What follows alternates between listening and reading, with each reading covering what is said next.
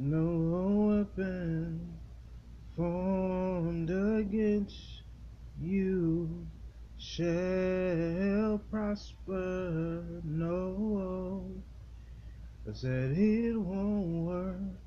No weapon formed against you, it won't work.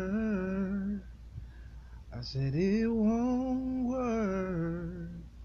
because God will do what He said He would do when you stand by His word.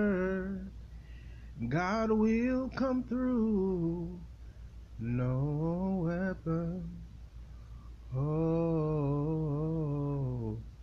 I just simply want to tell you no weapon formed against you will prosper.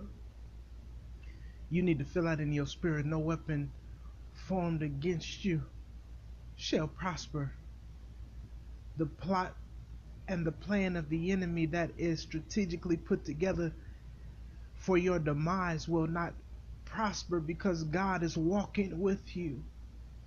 Somebody needs to walk in boldness today, knowing that you have the power to overcome the plot of the enemy because God's word says the weapons will form, but they will not prosper against you.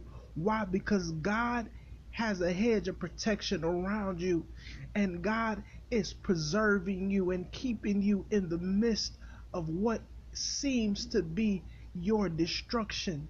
So you need to walk in boldness on today, knowing that the enemy will plot the enemy will come to steal, kill, and destroy, but you need to know that God came to give you life and life abundantly.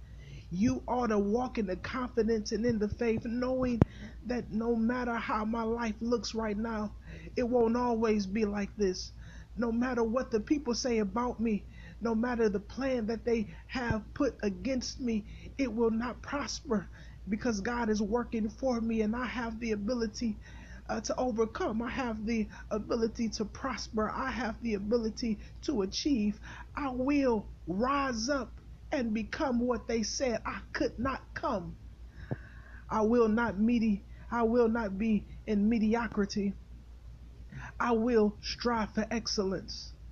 I will not succumb to the plot and the plan of the devil, but I will be what God says in his word and I know that God thinks good thoughts towards me, thoughts of good and not of evil to bring me to an expected end.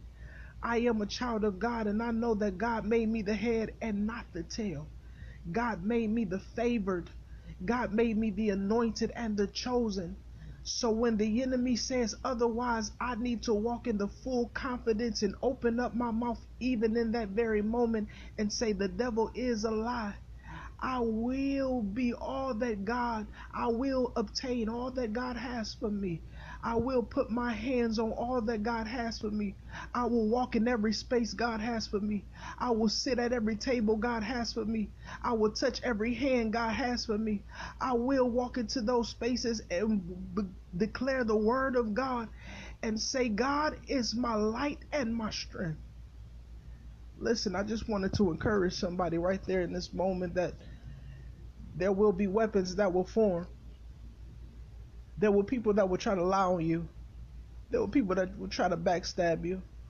There were people that will uh, walk away from you. But even in spite of, you got to know that even though the weapons will form, they will not prosper against you. That when folk walk out of you, it's okay because God is walking with you. Is that when people say things bad against you, God know how to work bad for your good. So, beloved, I just want to tell you to keep marching with God, keep walking with God, and go in confidence today. Be blessed.